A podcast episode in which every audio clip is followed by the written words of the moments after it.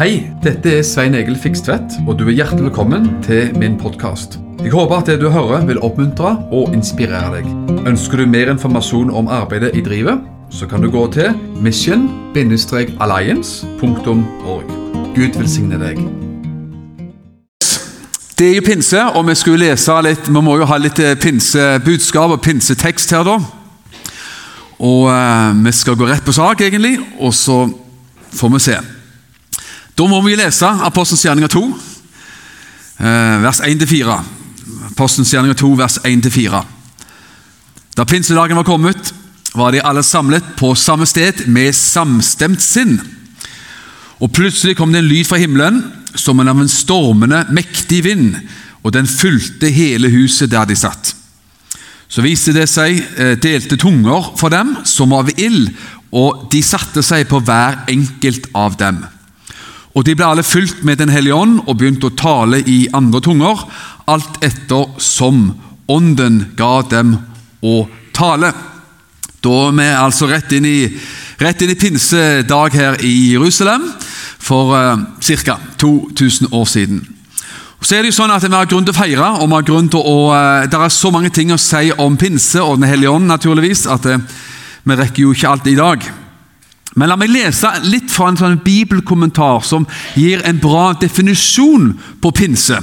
Og Da er det mest av alt denne her gammeltestamentlige pinsen. da, Så skal vi se hvordan dette kan passe inn i vår tid.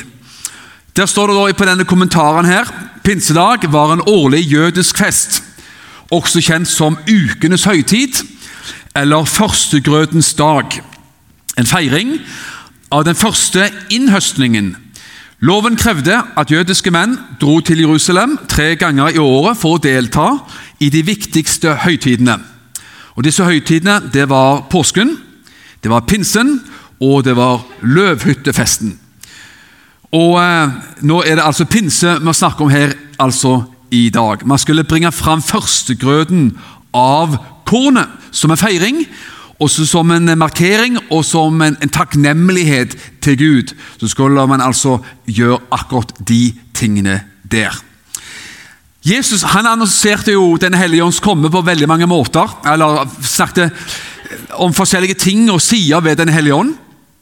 I det som man gjerne kaller for Jesu avskjedstale, i Johannes 14, 15 og 16, da Jesus hadde sin siste liksom, ordentlig lange og gode undervisning til disiplene, før han gikk til korset, så forberedte Jesus da disiplene sine på hva som skulle skje, og hva som skulle liksom være opplegget ved, etter hans himmelfart.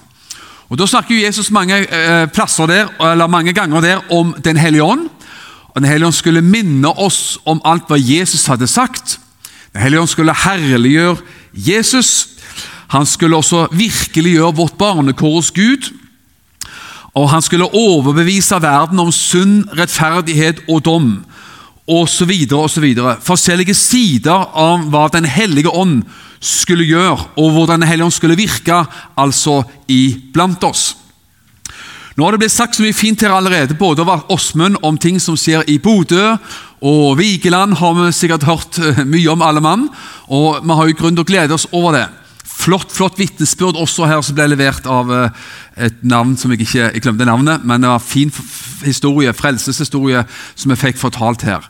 Og Det er noe av det som jeg har lyst til å, å, å, å gå inn på her nå. Nettopp en side ved pinsen og en side ved Den hellige ånd som jeg vil eh, kalle for innhøstning av mennesker. Fordi i Den gamle testamentet så handler det altså om innhøstningen av kornet og grøden, markens grøde. Mens i den nytestamentlige pinsen så handler det om selvfølgelig noe annet og noe mer enn fysisk og bokstavelig talt korn. Det handler om innhøstning av dyrebare mennesker inn i Guds rike. Det er noe fantastisk med denne du vet, den, I vår tid så har man alltid noe på skjermen. Det er jo der man har alle notatene. Men jeg klarer ikke la være å alltid ta med den analoge bibelen også. da. Den gode boka, som man må liksom bare uh, i det minste vifte litt med av og til. Om man ikke får lest, man leser jo fra skjermen. Men, men det er ikke noen tilfeldigheter i Guds ord. Skriften er fantastisk. Og Gud er jo fantastisk. Og det er jo Jesus. Vi ser jo hvordan så mye oppfylles i Jesus Kristus.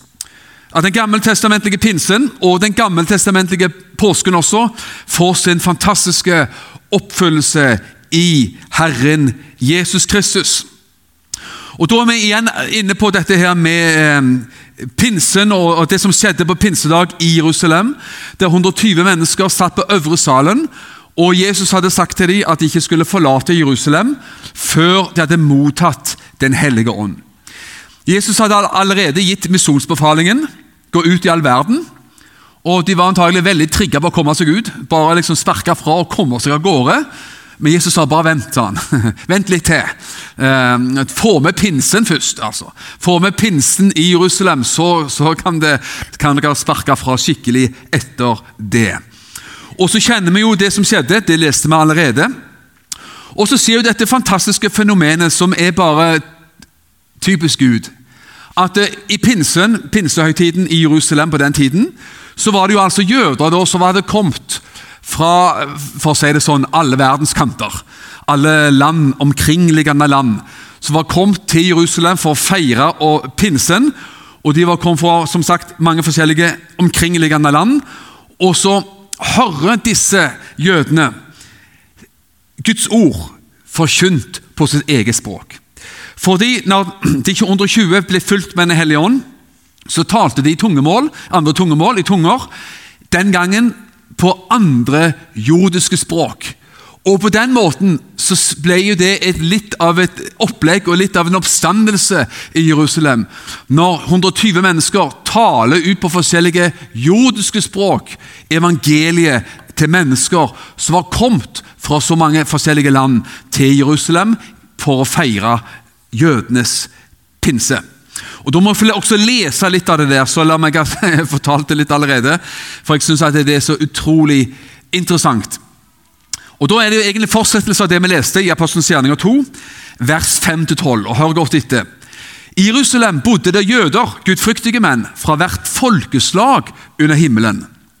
Da denne lyden, altså pinselyden da, av tungetale og den mektige susingen og, og, og, som kom Da denne lyden hørtes, kom folkemengden sammen og ble forvirret, fordi hver og en hørte dem tale på sitt eget språk. Altså Man talte i tunger på disse forskjellige jordiske språk. Da ble de alle forskrekket, undret seg og sa til hverandre Se, er ikke alle disse som taler, galileere? De, altså, de er jo fra området her. Og hvordan kan det ha seg at vi hører enhver av oss på vårt eget språk det som vi ble født inn i? Altså, Evangeliet ble forkynt på overnaturlig vis på forskjellige jordiske morsmål. Og så sier de vi er medere, elamitter, de som bor i Mesopotamia, Judea, Kappadokia, Pontus og Asia, Frygia, Pamfylia, Egypt og de deler av Libya som grenser til Kyrene. Besøkende fra Rom, både jøder og proselytter. Altså, proselytter er jo de som gikk over da, til jødenes tro. Kretere og arabere. Altså Her nevner de en hel haug med forskjellige folkeslag og fra forskjellige nasjonaliteter. Og så sier de vi hører dem, altså de 120, tale på våre egne språk om Guds underfulle gjerninger. Slik ble de alle både forundret og i villrede, og de sa til hverandre, hva skal dette bety? Og Her kjære venner, så ser vi egentlig at den gammeltestamentlige pinsen en blir en nytestamentlig pinse. Går over til å få en nytestamentlig oppfølgelse i Kristus Jesus. Fordi i vår tid så handler det som sagt ikke om fysisk korn, men det handler om innhøstning av mennesker inn til Guds rike. Og Det er interessant å se hvordan nettopp Det nye testamentet og Jesus sjøl tar dette med høsten og innhøstning og begynner å bruke disse ord og uttrykk på ikke korn på åkeren, men på mennesker. Matteus 9,37 sier Matteus 9, 37-38 Da sa han til disiplene Høsten er stor, men arbeiderne få. Be derfor høstens herre at han vil drive arbeidere ut til sin høst. Altså, se, høsten er stor, sa Jesus. Men problemet, og problemet er ikke høsten, problemet er heller mangel på arbeidere. Derfor er løsningen la oss be om at Gud skal drive ut mennesker til sin høst. Matteus, eh, sorry, eh, Johannes 4, 35-36, også det er et vers som, som, er så fantastisk. Som handler nettopp om det. Og det, som, du, som, du, skjønner, så er det jo akkurat det jeg vil peke på her i dag. Dette med å løfte blikket og se. Fint å høre, som jeg sa, disse to, både Åsmund og vitnesbyrd her, og sånt, hvordan Gud kaller på mennesker. Hvordan Gud, Gud berører mennesker, hvordan ting skjer unge mennesker som blir frelst og døpt opp i Bodø osv. La oss glede oss over sånt, og la oss bare liksom omfavne sånt. Og, og, og se at det, Er det noe man skal feire, så er det nettopp det. Jeg tenker også på det som når man skulle feire altså, eh, kornhøsten i den gamle pinsen, gammeltestamentlige pinsen, så sier Jesus sjøl at eh, det blir større glede i himmelen, sa Jesus, blant Guds engler, når én synder omvender seg, enn over de 99 som ikke trenger omvendelse. Så hver gang noen blir frelst, er det skikkelig altså, Da er det pinse, pinsejubel eh, blant englene i himmelen. Johannes 4, 35. Sier dere ikke at det ennå er fire måneder, og så kommer høsten? Det er jo lett å finne ut rent sånn i det naturlige når kornhøsten kommer, eller potethøsten kommer. Det er jo bare å regne ut fra man sådde, sådde i jorda, til det, det, skal høstes. Så sier Jesus, se, jeg sier dere, løft deres øyne og se på markene. Så Jesus han ber oss om å løfte blikket. Løft blikket. Se ut over dine og mine omstendigheter. Se utover vår egen lille liksom, krets eller familie eller nabolag eller menighet. La oss se langt, langt utover det også. Løft deres øyne og se på markene. De er alt hvite til høst. Og Da skjønner man hele sammenhengen her. At Jesus snakker jo ikke om eh, liksom, kornåkeren. Han, snakker, han, han tar disse uttrykkene og anvender det på mennesker og innhøstningen av mennesker inn i Guds rike. De er alt hvite til høst. Um, sammenhengen Jesus sa dette i, det var jo når Jesus møtte nettopp denne her samaritanske kvinnen ved Jakobs brønn. Samaritansk kvinne hun var ikke, hun var liksom, De var et blandingsfolk mellom jøder og hedninger. og, og eh, Jødene på den tiden så ikke så veldig opp til akkurat eh, samaritanerne. Og Samaritanerne så heller ikke veldig opp til jødene, så de var nokså sånn eh, Hadde litt skråblikk på hverandre og forakta hverandre ganske gjensidig. Men Jesus er annerledes. Jesus vil nå mennesker som vår kultur og vår tradisjon gjerne ikke vil tilsi at vi skulle nå. Jesus brøyt kulturelle grenser og, og, om du vil, skikke bruk for å nå mennesker med sitt budskap. Det er fantastisk.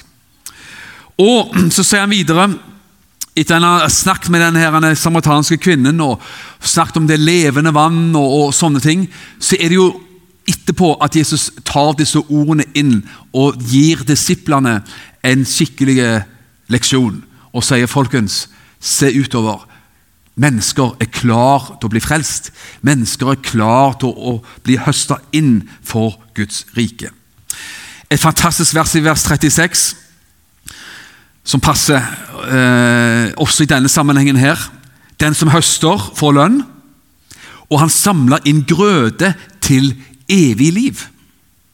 For at, og det syns jeg er så fantastisk, at både den som sår og den som høster, kan glede seg sammen. Vi gleder oss sammen når mennesker blir frelst. Når noen har fått lov til å forkynne evangeliet, som jeg ofte får lov til å gjøre, mennesker som er med og ber, mennesker som er med og gir, mennesker som er med og sender ut, så er det sånn at vi gleder oss sammen. Vi jobber sammen Noen høster, noen sår, noen ber, noen gjør ditt og noen gjør datt. Men vi er med og er kalt til å jobbe for samme sak, nemlig det å høste mennesker inn for Guds rike. Vi er kalt til å se, løft blikket og se. Se mennesker, se nøden, se behovene, se at mennesker er klar, også i Norge, til å bli høsta inn for Guds rike. Det må man ikke bli blenda og blinda og, og, lurt av media som sier at alt blir mer og mer sekulært. Alt blir mer og mer liksom, eh, normløst og, og går feil vei på mange områder.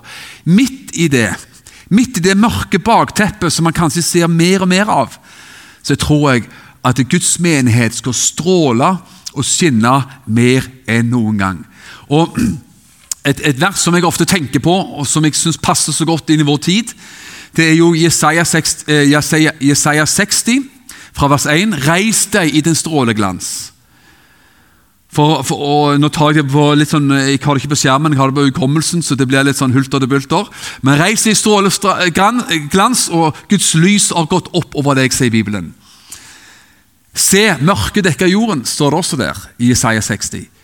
Ser du rundt omkring, ser du på nyheter, så kan du fort være enig om det at det er ganske mye mørke og mye spenninger som dekker jorden rundt omkring. Du kan gå til Ukraina, man kan gå til Midtøsten, man kan gå til mange steder og se at det er mange ting som kan ta fyr.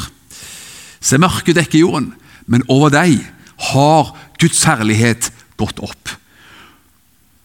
Og vet du hva? Hvis vi velger som Guds menighet å leve i Guds lys, i sannhetens lys mer enn noen gang, og ikke bli lurt til noe annet, så tror jeg at vi skal få lov til å se innhøstning av mennesker, kanskje mer enn noen gang før.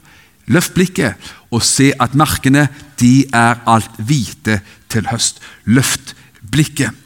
Gud vil at vi skal akkurat gjøre det. La meg få lov til å ta deg med i, i eh, noen få eh, historier her, og så skal vi ikke holde på så veldig lenge. Men eh, nå, nå, var jeg nettopp i Etiopia, kom hjem på tirsdag. Og gangen før også, for et par måneder siden, så var jeg også i Etiopia. Så jeg har liksom to plasser å sammenligne med. da. Siste gangen nå så, vi, så ble det veldig nedskalert opplegg pga. spenninger mellom folkeslag. I Etiopia er det over 80 folkeslag og 80 forskjellige språk. Spenninger. Ehm, for et par år siden så hørte vi om ehm, eh, Tigray-provinsen og opprør der.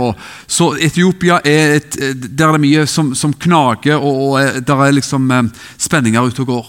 Så Av den grunn så var det ikke så mye vi fikk gjort som man gjerne ville ha gjort denne gangen.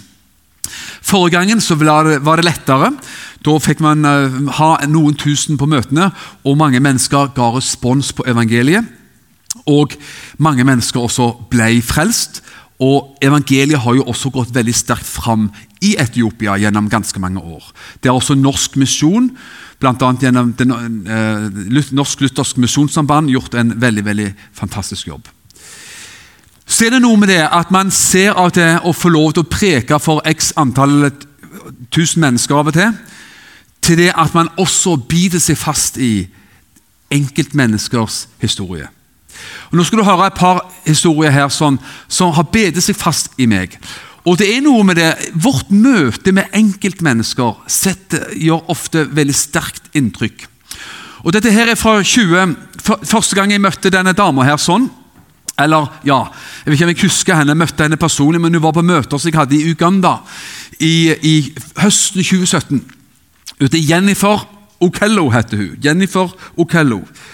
Hun var på møter der vi hadde i Nord-Uganda, og ble utfridd fra åndsmakter. Det var veldig mye åndsmakter uh, som åpenbarte seg og manifesterte, manifesterte, seg den gangen. der sånn. Så det var jo et, litt som et lurveleven og et sirkus av, på, rundt det. Men denne Jennifer hun ble, hun fikk, hun ble utfridd fra åndsmakter. Og Så går det to år. Så kom jeg tilbake en, eh, høsten 2019 til akkurat samme område. I eh, Lira i, oppe i Uganda. Og eh, møter henne og hører hennes fantastiske historie. Da hadde hun altså, da hadde det gått to år. Hun hadde blitt utfridd og blitt, møtt Gud og blitt sterkt forandra.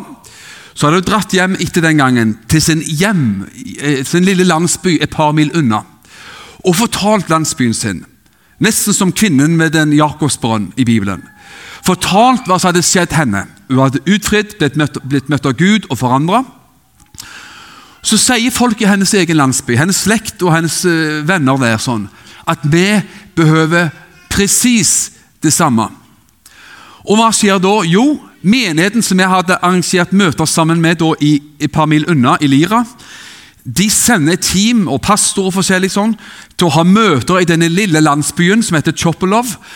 Og, og, De forkynner evangeliet også for denne landsbyen. der sånn. Og så får de også oppleve evangeliet. De får også høre de gode nyhetene om Jesus. De får også utfrielse for åndsmakter og oppleve sterke ting. Og så er det ett ektepar der som og et bilde av dette her da, dessverre ikke med meg. Bilde av da, et ektepar som også blir møtt av Gud på en sterk måte.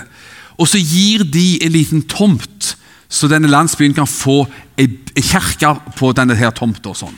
Det, det, var enkle bønder, fattige bønder, men de gir en bit av sin gård, da, gård og grunn til å bygge en liten kirke. Og altså To år etterpå, i 2019, så var jeg der. Fikk tatt bilder, selvfølgelig, hilst på disse menneskene. Og fikk eh, være der og, hilse, og se denne her enkle kirka som det var, med blikkskur og hjemmelagd eh, mursteinsvegger eh, liksom, og sånne ting. da. Og, og, eh, men dette er et eksempel på hva Gud gjør når ett menneske blir forandra, når ett menneske får møte Gud. Høsten den er moden, høsten er stor, og mennesker har Og på denne enkle måten får evangeliet om Jesus. Og på denne enkle måten så, og Pga. denne enkle Jennifer Okello som ble berørt av Jesus, så dro hun til landsbyen sin og fikk spredt disse gode nyhetene til denne her landsbyen videre. Og Det er så fantastisk å få se sånne ting og merke seg disse enkeltmenneskene som forteller denne, sin historie om hvordan de har møtt, møtt eh, Gud til frelse i, i, sitt liv. altså. Jesajas, og det er kanskje det vi skal lande på her sånn da, Jeg liker å tenke og kalle at dette er nesten er Det gamle testamentets misjonsbefaling. I hvert fall kaller jeg det her og nå i dag. Jesaja 6, vers 1-8. Det er Jesajas som møter Gud. Og Det er noe med det når et menneske på forskjellig vis, dramatisk eller ikke dramatisk, det kan være forskjellig, i ett nu, nærmest momentant eller som en prosess, så er det sånn at det, når Gud får berøre våre liv, så, og det blir en forandring i våre liv og i folks liv, så er det noe som skjer. Og Nå skal du høre Jesajas ganske da dramatiske opplevelse av å bli møtt av Gud, berørt av Gud og kalt av Gud. Jesajas vers, eh, kapittel 6, vers 1-8. I det året kong Usia døde, så jeg Herren sitte på en trone, høy og oppløftet, og slepet av hans skrud fylte tempelet. Han får altså en opplevelse og et syn av Gud og Guds storhet og Guds hellighet. Og som, som, det er ikke nok, så, så får du det enda mer her, altså vers 2. Serafer sto over ham, og hver av dem hadde seks vinger. Og med to dekket han ansiktet, med to dekket han føttene, og med to fløy han. Så du har noe å glede deg til, venn, når vi kommer til himmelen. altså. Da skal vi få se mye fantastisk.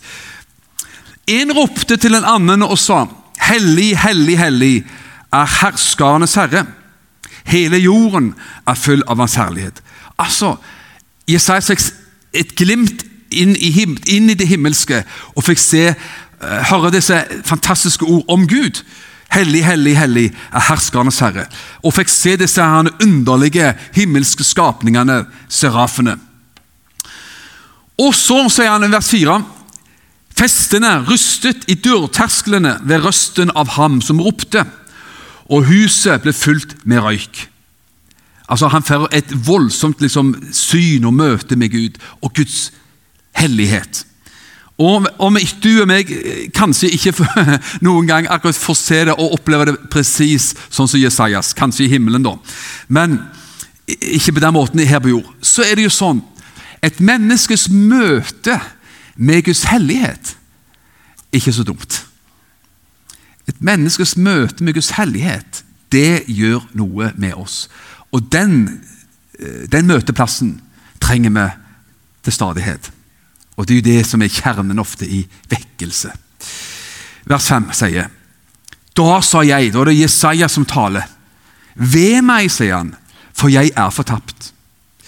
For jeg er en mann med urene lepper, og jeg bor midt iblant et folk med urene lepper. For mine øyne har sett kongen, herskernes herre. Og det er noe med det, Når vi får møte Gud i Guds hellighet, så kjenner man på det, denne, denne kontrasten mellom Gud, Guds storhet, Guds nærvær, Guds hellighet, majestet. Kontrasten mellom Gud og oss. Og Da kan vi vel kjenne oss alle hver som en, så, sånn som Jesajas. At vi kan kjenne oss jammen fortapt, og, og at det virker ganske ille ute med oss. Vers 6. Da fløy en av serafene bort til meg. I hånden hadde han en glødende kullbit som han hadde tatt med en tang fra alteret. Han rørte ved min munn, og, min munn og sa, Se, denne har rørt ved dine lepper. Og så kommer jo ja, disse legendariske og fantastiske ord. Din misgjerning er tatt bort, og din synd er sonet. Og jeg tenker at om, om, ikke du og meg skulle huske mye annet fra den dagen og dette møtet, så tenk og husk i hvert fall dette. Din misgjerning er tatt bort, og din synd er sonet. Da hørte jeg Herrens røst som sa Nå kommer visjonsbefalingen. Hvem skal jeg sende, og hvem vil gå for oss? Da sa jeg, Se Herre, se her er jeg, send meg. Dette er en sterk historie eh, som har liksom noen punkter i seg. Og Disse punktene tenker jeg eh, om det blir, du og mitt møte med Gud blir ulikt og ikke alltid er så spektakulært akkurat som Jesajas møte med Gud, så har, tror jeg veldig ofte at det, det kan inneholde de samme punktene. Nemlig et menneskes møte med Gud, Guds godhet og Guds hellighet og Guds nærvær gjør noe med oss. Hva skjer veldig ofte da? Vi får se Gud, men vet du ja, man får også se oss sjøl. Vi får se oss sjøl si speilet, eller i Guds speil. Vi får se oss sjøl, vår egen forkomne og fortapte, tilkommende tilstand i oss sjøl uten Gud. Og så sier man kanskje sånn som Jesajas, ved meg, jeg er fortapt. Det er ute med meg. Jeg har jo sett Gud. Og så ser man denne kontrasten mellom Guds hellighet og vår egen svakhet, vår egen syndighet osv. Så sånn. Men så stopper jo historien ikke der. Takk og lov og pris. Fordi da er det Gud som taler, eller i dette tilfellet en av serafene som kommer med en kullbit og gjør et rensende verk for, hos Jesajas. Og, og denne himmelske skapningen sier 'din synd er sona'. Din synd har blitt sona, og din eh, misgjerning er tatt bort. Hvilken god nyhet han Jesajas får oppleve, og hvilken god nyhet også dette er for oss. Og Når dette har skjedd, når han opplever seg ren, tilgitt, rensa og ny, da kommer da er det Gud som sier noe. Da har Gud et spørsmål, og det spørsmålet har Gud til hver av oss. Hvem skal de sende? Og Det er en fin sang også, da. Hvem skal de sende, og hvem vil gå for oss? Og vet du hva? Det spørsmålet har man ikke vondt av å ta eh, virkelig inn over oss. Alle. Hvem kan du høre Guds røst midt i alt som vi preker om her i dag? Kunne hørt Guds røst, stille røst i hjertet, hjertets dyp, som sier 'Hvem vil gå for meg? Hvem kan jeg sende?' Vil du, vil du, vil alle av oss gå inn? Hvor? Ja, ut i all verden, men også inn i vår verden. Ikke bare ut i all verden, der, langt der ute et sted. Men vil du og meg gå med Hans ord, Hans nåde og Hans kjærlighet inn i den enkeltes verden? Din familie og slekt, ditt nabolag, ditt arbeidsplass, dine og mine kontakter, vår krets? Vil vi gå med evangeliet ut? Hvem skal de sende? Hvem vil gå for oss? Da sa jeg, se, her er jeg, send meg. Send meg. Og Da tenker jeg bare mot, helt mot slutten her, altså. La dette synke inn, for dette, pin, dette som har med pinsen å gjøre, det handler om Den hellige ånd, Helligånds utrustning til liv og tjeneste, Helligånds fylde og Guds verk på våre liv som forvandler oss til å være opptatt av noe større enn oss sjøl. Det forvandler oss til å være opptatt av høsten der ute. Se, løft et blikk og se at markene er allerede hvite mot høsten. Og det er fantastisk. Jeg lander med ett vers, så skal vi be til slutt her sånn. Jakob 5, 19-20, det er ganske sterke ord og veldig sånn Det, det smale, kanskje, det jeg har prekt om nå, og spisse det inn til våre liv og mennesker som Gud eh, måtte minne oss på i vår hverdag. Jakob 5, 19-20. Brødre, hvis noen blant dere har fart vill fra sannheten, og noen omvender ham, så skal han vite at den som omvender en synder fra hans villfarelsesvei, han frelser en sjel fra døden og dekker over en mengde synder. Må Gud bruke meg og bruke deg og alle av oss til å være en sånn enkeltperson i hverdagen som kaller mennesker til omvendelse. Som kaller mennesker bort fra villfarelsens vei, fortapelsens vei, over på livets vei og den smale vei. I Jesu Kristi navn. Amen. Takk for at du har lytta til denne podkasten. Jeg ønsker deg en velsigna god dag.